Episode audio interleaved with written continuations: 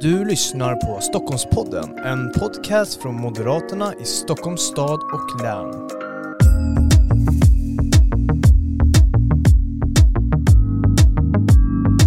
Ja, varmt välkomna till ännu ett avsnitt av Stockholmspodden. Det här är ju Moderaterna i Stockholms stad och läns podcast där vi pratar brinnande aktuella frågor eh, med våra främsta företrädare. Men idag så har vi ingen av våra främsta företrädare med oss utan vi har andra personer eh, och aktörer från eh, vet det, samhället som ska prata med oss om en väldigt aktuell och viktig fråga, nämligen ISK.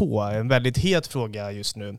Och med oss för att göra det så har vi Frida Bratt. Du är sparekonom på Nordnet. Varmt välkommen hit. Tackar. Och så har vi Benjamin Dosa. Du är ju moderat, förhoppningsvis fortfarande, men nu är du också vd på Timbro. Varmt välkommen hit. Tack så mycket. Och eh, tidigare MUF-ordförande ska vi också tillägga. Mm. Eh, men som sagt, vi ska ju prata ISK idag, men jag tänkte bara innan eh, vi går in på det så kanske Frida, du kanske vill göra en liten kort eh, prestation vem, vem du är. De flesta moderater, för sig, vi gör så här, det är ju framförallt många väljare som också lyssnar på det, så jag tänker att Benjamin, du får också göra en prestation, men att vi börjar med, med dig Frida, så att de som lyssnar har någon koll på vem du är. Ja, nej men jag eh, heter Frida Bratt och jag är sparekonom på nätbanken Nordnet. Och eh, i min roll så eh, är jag ute och pratar om sparande och hjälper sparare till att ta bra beslut sin, kring sin privatekonomi och sitt sparande. Men en viktig del är också att vara en röst i debatten i frågor som rör just sparande. Och där kan vi väl säga att den här ISK-frågan är lite mitt i prick som fråga. Eh, så jag försöker vara spararnas röst helt enkelt. Mm. Tack eh, för den presentationen. Och Benjamin, du får såklart också göra en liten brief vem du är. För de mm. som inte vet det. Nej, men jag är vd på tankesmedjan Timbro som eh, har som syfte att opinionsbilda för marknadsekonomi, ekonomisk frihet, tillväxt. Eh, och det är klart att eh, skatter på kapital, skatter på sparande, skatter på företag eh, är såklart intimt förknippat med hur attraktivt det är att starta företag i Sverige men också hur attraktivt det är att, att spara och investera. Så det här är jätteviktiga frågor för oss och det är ju, vi kanske kommer in på det senare, men det är inte bara ISK-frågan Eh, som vi har motsatt oss, utan eh, Socialdemokraterna och Magdalena Andersson vill ju strama åt 3.12-reglerna till exempel, så det blir mindre attraktivt att driva mindre företag. Eh, miljonärskatten, lite oklart exakt vad den ska mm. innebära, en, en slags ny version av förmögenhetsskatt. De har ju också diskuterat fastighetsskatten och allt det här kommer ju påverka Sveriges konkurrenskraft och investeringsklimat.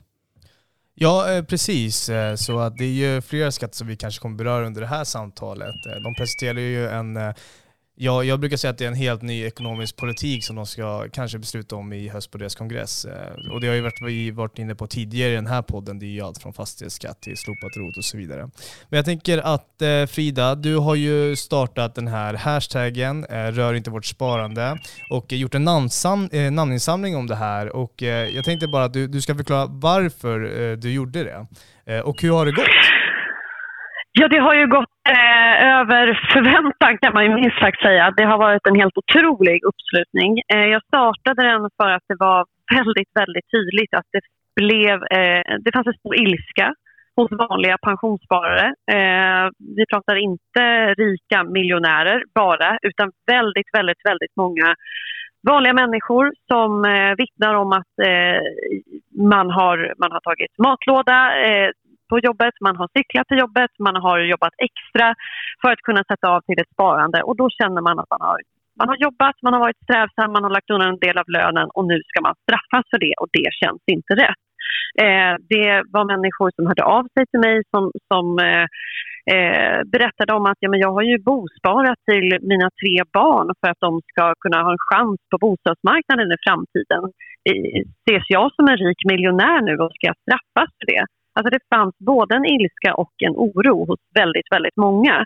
Eh, min tanke då med att starta namninsamlingen var att samla de här rösterna och visa för eh, Magdalena Andersson och Socialdemokraterna att det här är någonting som väcker ilska hos vanliga människor. Alltså inte rika miljonärer eh, eller hur man nu ska definiera en rik person då. Det är ytterligare ett problem som vi kanske kommer att beröra, just den här definitionen av vem som är rik. Eh, men att vanliga människor som har gjort rätt för sig, som har sparat, satt av en del till sin ekonomiska framtid, de känner att det här är orättvist. Eh, de känner att de blir bestraffade för att de har gjort någonting bra.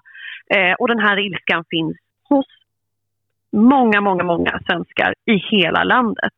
Och det är viktigt tycker jag att påvisa och visa Magdalena Andersson att hon har underskattat. Eh, hon har underskattat eh, hur det här ska tas emot och eh, ilskan det väcker hos vanliga människor. Så det är bakgrunden till den här namninsamlingen. Men den har verkligen, verkligen gått över förväntan. Jag tyckte när jag startade den att ja, men når vi 10 000 är det jättebra. Eh, det nådde vi väl på något dygn eller så. Mm. Eh, sen så höll jag den här öppen i en vecka och det fanns de som tyckte att ja, men, du kan hålla öppen ännu längre så får vi ännu fler. Jag tycker att det är viktigt att eh, man, man, håller någon slags momentum i det här också och visar eh, här och nu att eh, 40 000 eh, sparare har skrivit under på bara en vecka. Och det är verkligen över hela landet, från norr till söder. Brett, bred, bred ilska utspridd i landet. Mm. Det är intressant det där med att det sprids ut i, i, hela landet också, för man, man kan ju tro kanske att det bara är storstäderna som ska dominera när det kommer till, till sparande, men, men det här visar ju verkligen att det är en, en fråga som väcker ilska och debatt genom, genom hela landet. Mm. Eh, och jag tänker att eh, du har ju uttryckt att det är en häxjakt på, på vanliga människor. Jag tänker att vi släpper in Benjamin i, i samtalet här. Håller du med Frida att det är en häxjakt på, på vanliga människor? Ja, definitivt. Alltså, ISK infördes av alliansregeringen 2001 januari 2012. Eh, innan dess så var ju sparande, det var ju ganska komplicerat. Man var tvungen, köpte man och sålde fonder och aktier var man tvungen att hålla koll på köp och säljkurser, deklarera det. Um, när jag köpte mina första aktier när jag var 12 år gammal så var liksom mamma tvungen att gå ner till Swedbank-kontoret, betala courtage på typ 100-150 spänn. Nu är ju det här en folkrörelse och mycket är ju helt gratis. Man kan lyssna på poddar och läsa magasin och artiklar helt gratis kostnadsfritt. Eh, uh, ISK är ju, för det första så finns det inte på så jättemånga platser i världen. Uh, Holland är ett land, Finland har nyligen infört en liknande ISK form Men det här har ju revolutionerat sparande för att det är så himla enkelt. Man behöver inte ha koll på sälj och köpkurser. Det har blivit lite av en folksport. Jag räknar ut det, det är tre gånger så många som har ett ISK-sparande än som spelar fotboll, som är Sveriges största sport till exempel. 3,1 miljoner människor handlar det om. Frida har ju tidigare kommunicerat att eh, liksom, de vanligaste ISK och depåerna är ju, det är drygt 30 000 kronor som man har eh, på kontot, medianen då. Så det är ju inga, det, det, är ju verkligen en folksport. Det är utbrett i alla samhällsklasser. Eh, jag tror att det finns ett, ett par liksom, missförstånd i debatten. Delvis att eh, liksom, mer ränta på ränta, så även om du sparar relativt lite, 2, 3, 4 tusen kronor i månaden, så blir ju det över tid väldigt mycket pengar. Sparar man det i 30 år på börsen, snittavkastning kanske 7-8 procent, då blir ju det flera miljoner. Ehm, och det är ju helt vanligt. det kan vara en, en undersköterska, en lagerarbetare som Magdalena Andersson tog upp i Aktuellt-debatten till exempel. De kan också bli miljonärer om man drar nytta av den här snöbollseffekten som ränta på ränta innebär. Och jag skulle vilja sticka hål på, dels rent principiellt, det är ju redan skattade pengar. Ibland får man ju intrycket av sossarna att eh, om de här pengarna bara uppstår från ingenstans. Nej, först om man köper dem själv så har man beskattats på sin egen inkomst. Då har vi världens tredje högsta skatter på inkomster. Så det är inte som att de pengarna inte är beskattade. Mm.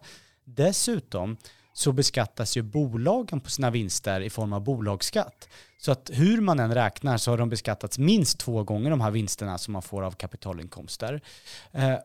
Dessutom så säger Magdalena Andersson ofta att ja, men vi har så himla låg, Sverige är ett skatteparadis på kapitalinkomster. Förvisso kan till och med Socialdemokraterna erkänna, ja men vi har väl lite höga inkomstskatter, men på kapital och sparande är vi världsunika. Vi är ett skatteparadis liksom. Det stämmer ju inte. När vi har räknat på det så kommer vi på ungefär 56 plats i hela OECD sett till kapitalinkomstskatter. Eh, och då säger de, ja men okej, men kanske generella kapitalinkomstskatter, mm. liksom, när man stuckit hål på den myten. Men ISK, ISK är åtminstone skattegynnat. Och när Riksrevisionen och Finanspolitiska rådet har räknat på det så kommer de ju fram till att ISK inte är skattegynnat om man tar hänsyn till risk. För att har du en vanlig depå, en traditionell depå då, och dina fonder eller dina aktier går ner, då kan du ju dra av den förlusten på skatten. Det får du inte på ISK. Om dina aktier eller fonder går ner så måste du ändå betala skatt. Eh, så på, utifrån eh, riskjusterat då, avkastning så är inte ISK skattegynnat. Och det har återigen regeringens egen expertmyndighet Finanspolitiska rådet satt och Riksrevisionen. Så det är mycket lögner och felaktigheter som finns i, i skattedebatten just nu. Mm. Jag tänker, Frida... får, jag lägga till där, ja, får jag lägga till där också att det är många som eh, vittnar om att att dels så är det ju det att sparare som sparar till sin pension hänvisades till att börja spara på ISK när avdragsrätten för privat pensionssparande avskaffades. Så det är liksom en, en sparform som är till för långsiktigt sparande. Precis som Benjamin uttryckte där, att långsiktigt sparande med ränta på ränta-effekt, det, kan ju, det är det som är det fina.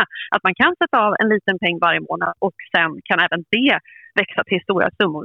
Men till saken hör också att det är många som för att ISK då har varit en så enkel och så, eh, så bra sparform. Så, så enkel och tydlig eh, för, för människor som inte har tillgång till någon som hjälper dem med deklarationen eh, så är det ju faktiskt många som har flyttat över från sina depåer, från sina vanliga aktie eh, och fonddepåer till ISK och därmed redan betalat av. För när man flyttar över så ses ju det som en försäljning då i mm. Skatteverkets ögon.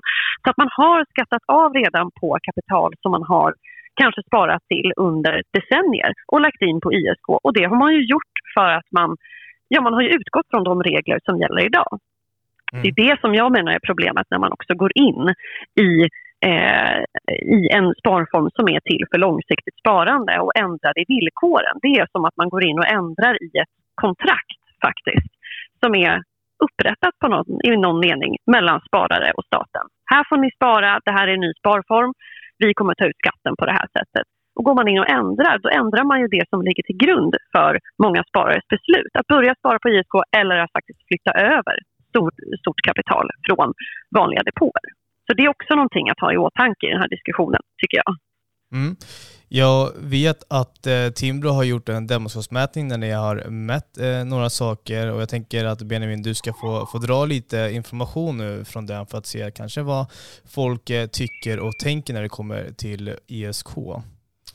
Ja, men Magdalena Andersson har uttryckt sig i debatten som att eh, ISK-sparare använder pengarna till nästan Ferrari-bilar och det är flådiga villor i Djursholm och, och så. Men, men när vi mätte det då, demoskop, eh, statistiskt säkerställt, så har ju ungefär, eller exakt 86 procent av alla sparare sparat till antingen då i första hand pensionen som är vanligast och i andra hand en kontantinsats.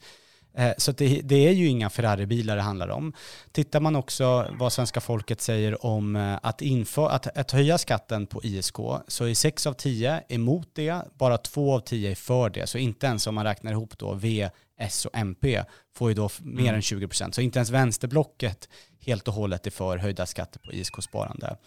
Eh, och mäter man då ett tak, Magdalena Andersson räknade ju på ett tak på någonstans mellan 100 000 till 200 000 för ett ISK Eh, och där är motståndet ännu starkare än att höja skatterna på ISK. Eh, så det finns ett starkt folkligt motstånd mot att höja skatterna på sparande. Eh, och jag tror att det är, man har, lite som Frida varit inne på, man har underskattat kraften i det här. Återigen, det är 3,1 miljoner människor som har ett ISK. Det är en folksport, det är en folkrörelse. Det, jag tror att det värderingsmässigt handlar om egen makt, att kunna stå på egna ben, att kunna ha pengar och starta företag. En av de vanligaste orsakerna till varför kvinnor i destruktiva förhållanden inte vill eller kan skilja sig är för att de inte känner att de har råd och ekonomin. De måste gå ner så mycket i, i, i levnadsstandard eh, om de skiljer sig. Och det är klart att då är ju sparande oerhört viktigt. Mm. Precis, och jag tänker Frida, nu Benjamin, du var ju inne lite på vissa specifika grupper där. Jag tänker Frida, eh, när det kommer till ISK-sparande, har du några intressanta spaningar eller vet du någonting också intressant när det kommer till olika grupper? Är det mer kvinnor som sparar idag än tidigare? Är det yngre som sparar idag eller hur ser det ut där med, med olika skillnader? Ja, vi ser jättetydlig breddning av sparandet och det är ju någonting som är oerhört positivt. Att sparande har ju lite grann eh, tidigare varit eh, lite förbehållet vissa grupper. Alltså det är vanligare att män sparar än att kvinnor gör det. Det är vanligare att äldre sparar än att unga gör det. Men där har det ju faktiskt börjat röra på sig. Det har ju sin förklaring i mångt och mycket då att Eh, börsen har gått väldigt bra eh, det senaste året. Eh, intresset för börsen generellt har ökat. Men det har ju också eh, följdeffekten att fler faktiskt får upp ögonen för sparande generellt. Eh, vikten av att spara, hur eh, kapital kan växa över tid. Eh, så det är ju någonting väldigt positivt. Ibland problematiseras det där eh, väl mycket, tycker jag. Eh, vilket är sorgligt på ett sätt, att så fort som grupper som inte tillhör de här traditionella grupperna, det vill säga kanske män, äldre, så fort de grupperna börjar ta sig an någonting, då ska det problematiseras. Vet de verkligen vad de gör på börsen och så vidare. Jag försöker ju verkligen få det där att eh, vända på det och säga men det är ju fantastiskt att det är fler unga och fler kvinnor som faktiskt börjar, börjar spara på börsen. Och till det så använder man ju ISK eh, därför att det är det absolut enklaste eh, alternativet. Kapitalförsäkring också. Kapitalförsäkring är ju lite eh, ja, ska vi säga bortglömt i diskussionen men, men en förutsättning som jag tror är väl att ändrar man någonting på ISK så kommer man göra det på kapitalförsäkring också. Eh, de liknar ju varandra väldigt mycket, de sparformerna. Eh, så när, när, vi pratar om ISK och förändringar där så tror jag att det även gäller kapitalförsäkring för det är också en sparform som man väljer i hög utsträckning. Eh, men vi kan se att bland nya sparare eh, som eh, som, som eh, kommer till Nordnet det senaste året så är ungefär 60% under 30 år, om jag inte eh, minns helt fel nu. Så det är väldigt tydlig ökning eh, av unga sparare och vi ser också att eh, andelen kvinnor ökar, även om den är mindre då än, än män. Men det är en positiv utveckling som går åt rätt håll.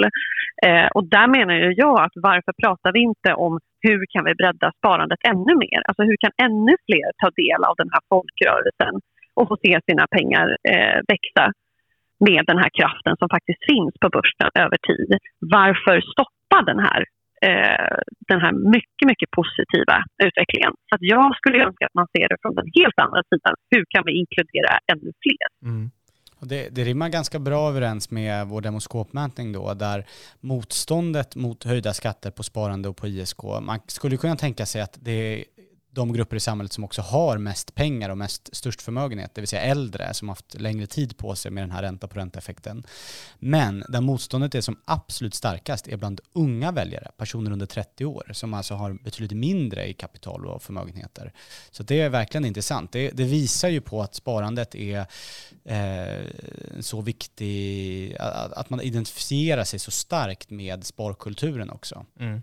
Mm, precis, och jag tänker vi, vi går in lite på, på just det förslag som, som har presenterats. Här menar ju Socialdemokraterna genom Magdalena Andersson att man vill ju förbättra vardagen för, för vanligt folk och här genom att bland annat höja pensionen och stärka välfärden. Det är liksom utgångspunkten varför man då vill eh, sätta ett tak på, på ISK och införa en miljonärskatt. Eh, sådär. Det, är, det är så de som menar. Vad, vad tänker ni kring det? Är, är det liksom, har man rätt eh, perspektiv på, på sig då? Vad tänker du Benjamin? Nej, definitivt inte. Och det man ska ha klart för sig det är att ränta på ränta jobbar ju åt båda hållen. Alltså att eh, ränta på ränta å ena sidan, om man tar ett konkret exempel, en undersköterska eh, som sparar en tiondel av sin lön varje månad får och kommer upp till 3 miljoner kronor och blir därmed mångmiljonär på 30 år på börsen med, med snittavkastning. Eh, så att vanliga yrkesgrupper med en hygglig börsavkastning kan bli mångmiljonärer om man sparar lite grann varje månad. Så det är ju det fantastiska med ränta på ränta. Men Eh, baksidan är ju att ränta, alltså små skattehöjningar idag blir ju enorma skattehöjningar i framtiden. Så även om man tänkte ja men det är bara en, en eh, eh skattehöjning med, med 10 punkter eller med, med, med någon liten eh, promille så, så blir ju det över tid väldigt mycket pengar. Eh, man ska ha klart för sig att eh, eh, Miljöpartiet, Vänsterpartiet och Socialdemokraterna höjde ju skatten på Eh, ISK redan 2018. Man tog bort golvet som det då kallas. Alltså ISK sätts ju schablonmässigt då efter statslåneräntan. Och då sa man, ja men lägre än det här kan, ska skatten inte kunna bli. Och Liberalernas ekonomisk-politiska talesperson Mats Persson gjorde då en, eh, han begärde en eh, ut, uträkning från det här från riksdagens utredningstjänst. Och han tittade då på en person som satt in 50 000 kronor på sin 25-årsdag eh, och därefter sparat 2 000 lappar i månaden fram tills dess att personen då skulle fylla 66 år. Och bara genom att införa det här golvet som infördes då 2018 av vänstersidan så tappar den här spararen en miljon kronor till pensionen. En miljon. Och det var mm. typ ingen politisk debatt om att införa det här golvet. Så det, det, visar ju på kraften i ränta på ränta. Både det fantastiska att man kan få skapa oerhörda, eh, oerhört stora förmögenheter med, med liksom vanliga löner. Men det visar också på att små skattehöjningar idag blir enorma skattehöjningar på sikt. Mm. Mm, och jag, får säga det, jag, jag, håller helt med och jag tycker också att man är, är fel på det när man pratar om pensionerna i det här sammanhanget. Eh, istället för att se eh, människors vilja att ta ansvar för sin egen ekonomiska framtid. Genom ett privat pensionssparande så vill man försvåra det och istället eh, inför man ett eh, inkomstpensionstillägg. Nu är det här lite off topic, men, men samtidigt inte. Eh, därför att man gör det via statsbudgeten. Därmed så frångår man ju den pensionsöverenskommelse som finns. Pensionerna ska inte vara en politisk fråga på det sätt som det tyvärr har blivit. Och då blir det ju väldigt lätt ett kortsiktigt perspektiv där man menar att det finns ett narrativ att pensionerna idag är väldigt dåliga och behöver höjas. Eh, då når man väldigt stora väljargrupper. Och det är verkligen sant. Man ska vara väldigt ödmjuk inför att det finns fattigpensionärer, absolut. De behöver man hjälpa eh, här och nu med åtgärder. Men är det verkligen så att man behöver höja pensionen för alla pensionärer. Inte riktigt. Eh, Alekta har gjort en jätteintressant undersökning som visar att pensionärer faktiskt har det generellt sett i snitt ganska bra. Och man ska ju veta det att gör man sådana här eh, åtgärder för dagens pensionärer så lånar man ju faktiskt från framtidens pensionärer. Så jag tycker man är helt fel på det av den anledningen också. Eh, man måste, man måste kunna vara långsiktig i det här perspektivet och man borde ju se privat pensionssparande som en viktig pusselbit i det här. Men det gör man inte utan istället så, så förbiser man den helt och sen så fokuserar man väldigt ensidigt på eh, pensionsinkomster eh, idag. Och det kan, igen då, verkligen förtydliga det, det kan absolut vara motiverat när det gäller de som har en väldigt låg pension och som har det sämst ställt. Men det har inte riktigt framkommit i debatten att det är många pensionärer som har det ganska bra. Och man ska vara medveten om att gör man några förändringar så, så påverkar det faktiskt de som ska gå i pension i framtiden. Mm. Och de har inte haft samma möjlighet till värdeökningar på sina bostäder och på sitt sparande kanske och eh, kommer att ha det betydligt tuffare. Men istället borde man ju faktiskt underlätta och se ISK som en, den viktiga pusselbit i, i eh, pensionspyramiden som det faktiskt kan vara. Mm. Och eh, jag tänker ju att det här förslaget möter ju såklart eh, mothugg, eh, till exempel från de borgerliga partierna. Moderaterna vill ju sänka skatten för ISK till exempel. Jag får trycka in en liten moderat eh, fråga där. Vad, vad, tycker ni om det? Är det rätt väg att gå? Eller ska man gå ännu längre? Ska man göra på något annat sätt? Benjamin? Nej men jag, det, alltså motståndet från de borgerliga partierna har ju varit verkligen kompakt. Det är jättebra. Eh, och man, jag tycker man ska ta bort golvet, det som Socialdemokraterna då införde 2018, eh, för att det ska då spegla statslåneräntan rakt av. Och om statslåneräntan går ner så eh, borde skatten då eh, ja, rimma med det. Det är fullt rimligt. Eh, sen tycker jag, jag menar på sikt så, så vill jag gärna se ännu lägre skatter på kapital. Alltså bolagsskatten är ju en form av kapitalskatt också. Det, eh, och jag, jag, liksom, så det, det är ju redan skattade pengar rent principiellt. Dessutom drar det inte in så enorma summor eh, och intäkter till, till statskassan som man kanske tror.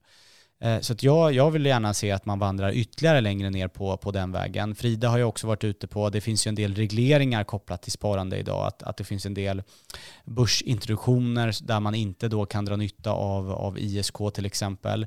Eh, jag tycker att man ska eh, en bredare, större, mer frihetlig pensionsreform, alltså att en större del av pensionskapitalet istället för att vara allmän pension ska vara PPM eller kanske att man helt sänker skatten och, och får spara det på ett ISK till exempel. För att nu är det ju så att lejonparten av pensionssparandet sker då i allmän pension eh, och den summan ökar ungefär med löneutvecklingen i stort, alltså inflationen i grund och botten. Så du får inte den här ränta på ränta effekten på, på den lejonparten av pensionskapitalet. Medan PPM om man då har eh, AP-fonden Sofa då som är standardvalet, får du ju börsavkastning på. Eh, och det, vi, vi har räknat lite på det. Nu är ju PPM-andelen 2,5 procent. Socialdemokraterna vill sänka den till 1,5. Skulle man höja den till bara 5 procent, då skulle man alltså få högre pension från den allmänna pensionen, borträknat då tjänstepension och privat pensionssparande. Bara den allmänna pensionen skulle vara högre än lönen man har. Eh, så det visar ju verkligen på kraften i då ränta på ränta och jag tycker att man eh, mer av pensionspengarna ska, ska in på börsen. Mm. Vad tänker du då Frida? Eh, gör Moderaterna rätt att sänka, eh, eller vilja sänka skatten för ISK eller ska man gå ännu längre? Är du mer inne på Benjamins linje? Nej, men jag, jag tycker att det viktiga är att ge en morot till att få fler grupper att börja spara, som jag var inne på tidigare. Eh, men, men, om vi börjar med det här som eh, Eh, Benjamin var inne på, att eh, eh, de skattehöjningar som har gjorts har ju gjorts på faktorer som är föränderliga. Det här resonemanget om statslåneräntan. Då. Eh, vi kan väl alla vara ganska säkra på att den dag som statslåneräntan stiger så, så kommer man inte att sänka skatten för det. Eh, och, och, eh, just det faktum också att ISK är inte skattegynnat när de här goda tiderna vänder. Alltså det har ju varit väldigt speciella år. Alltså sen ISK infördes 2012 så har ju börsen gått väldigt bra.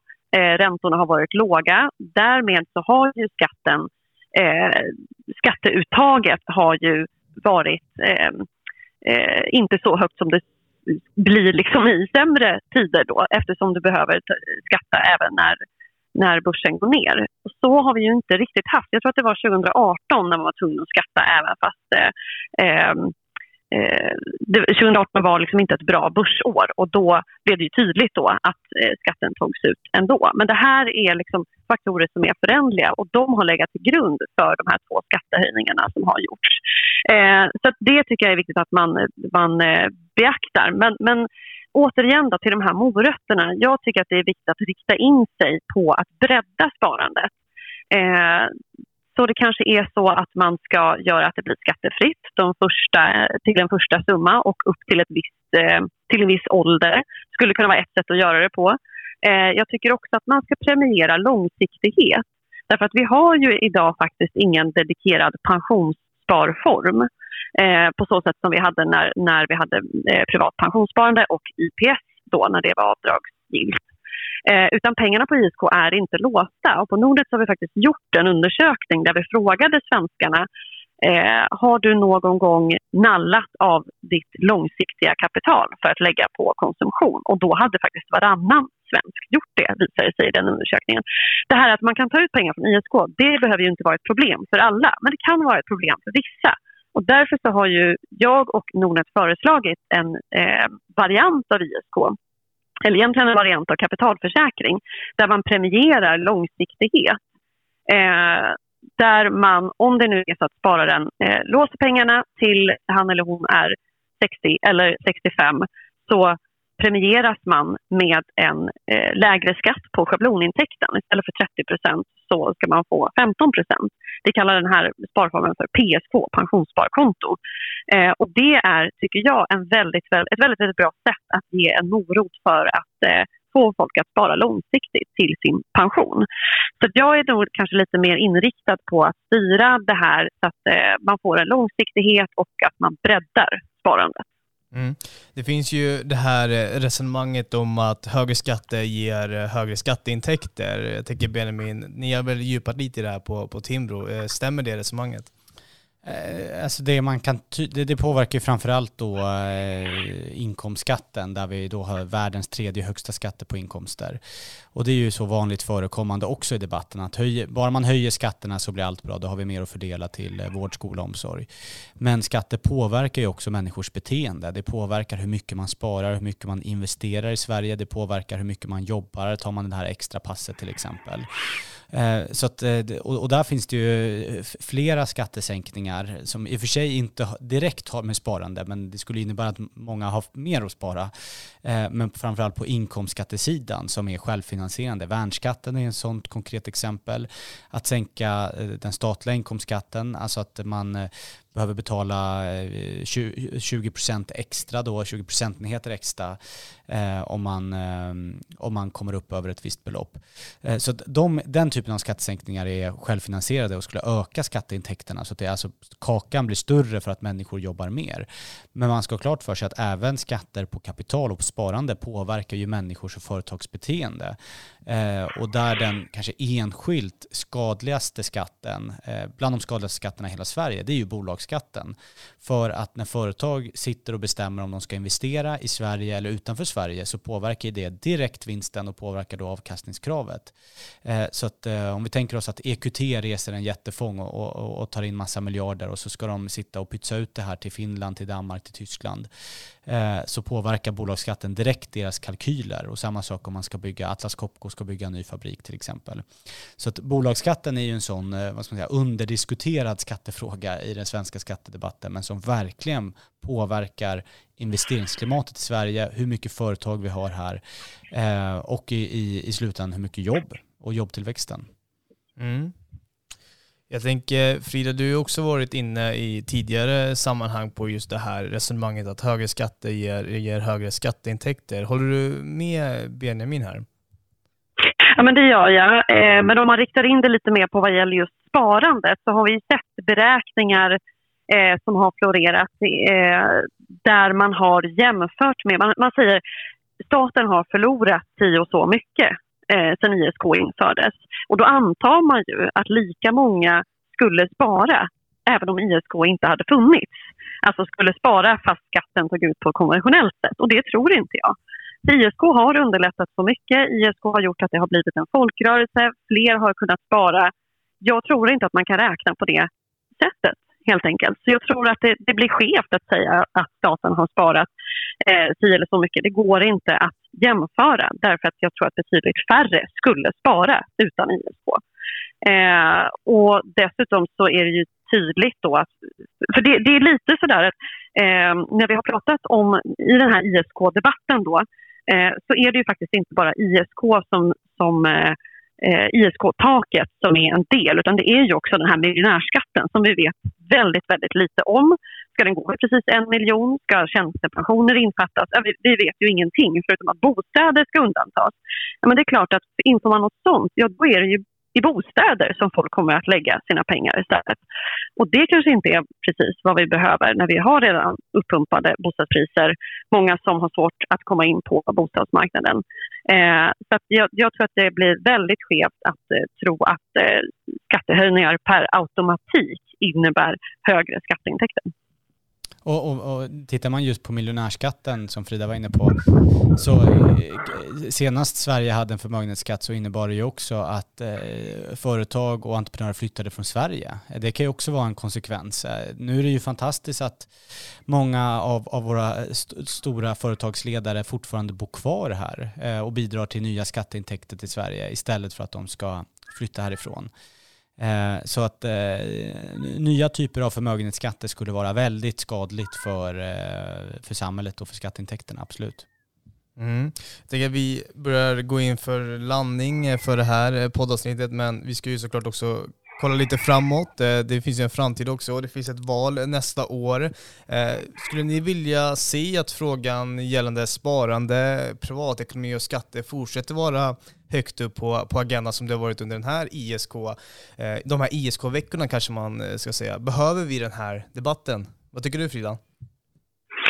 Ja, jag, eh, jag, tycker det är tråkigt det som har föranlett förstås ISK-debatten, det vill säga att man, man pratar om att man vill höja skatten på sparande. Å andra sidan så, så har man pratat illa om sparande och sparare under väldigt lång tid, tycker jag, från eh, regeringshåll.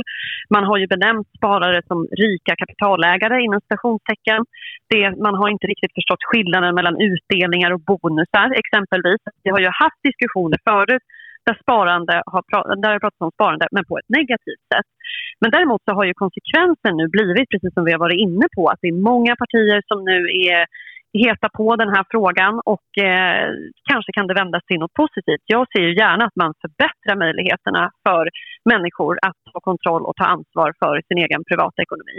Eh, det innefattar ju någonstans en positiv syn på människans egen förmåga att faktiskt ta ansvar eh, för sin egen framtid. Och många vill göra det, många gör det redan. Jag tror att vi ska som sagt se det från det andra hållet. Hur kan vi involvera ännu fler? Eh, så jag hoppas att man fortsätter att eh, spåna kring hur man kan göra det.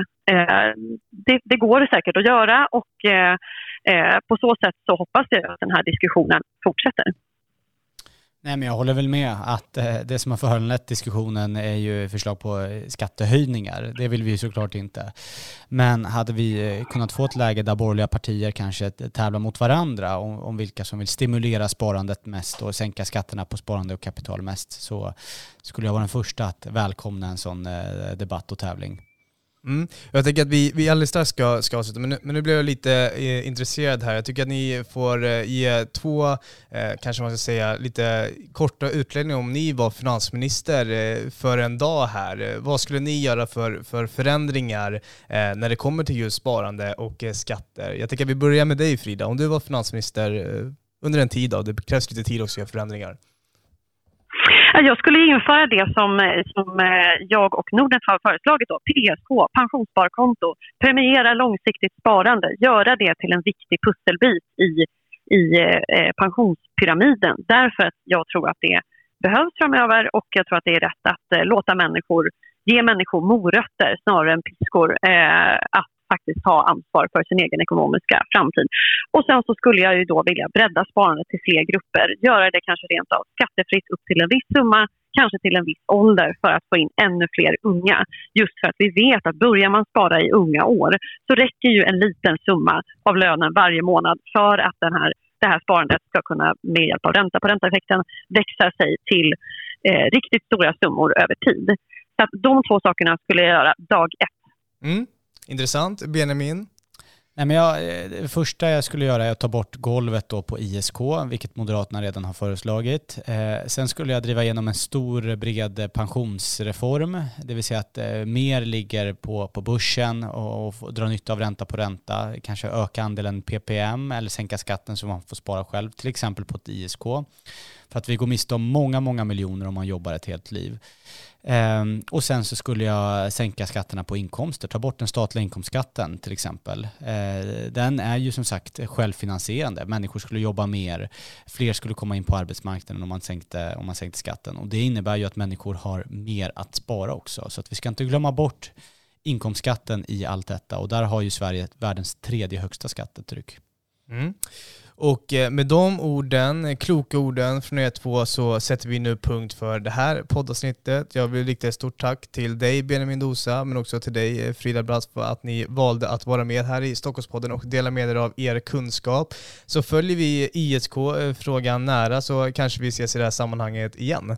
Vem vet? Men stort tack i alla fall för att ni kom hit och stort tack också till dig som har lyssnat så ses vi och hörs i nästa avsnitt. Tack, tack!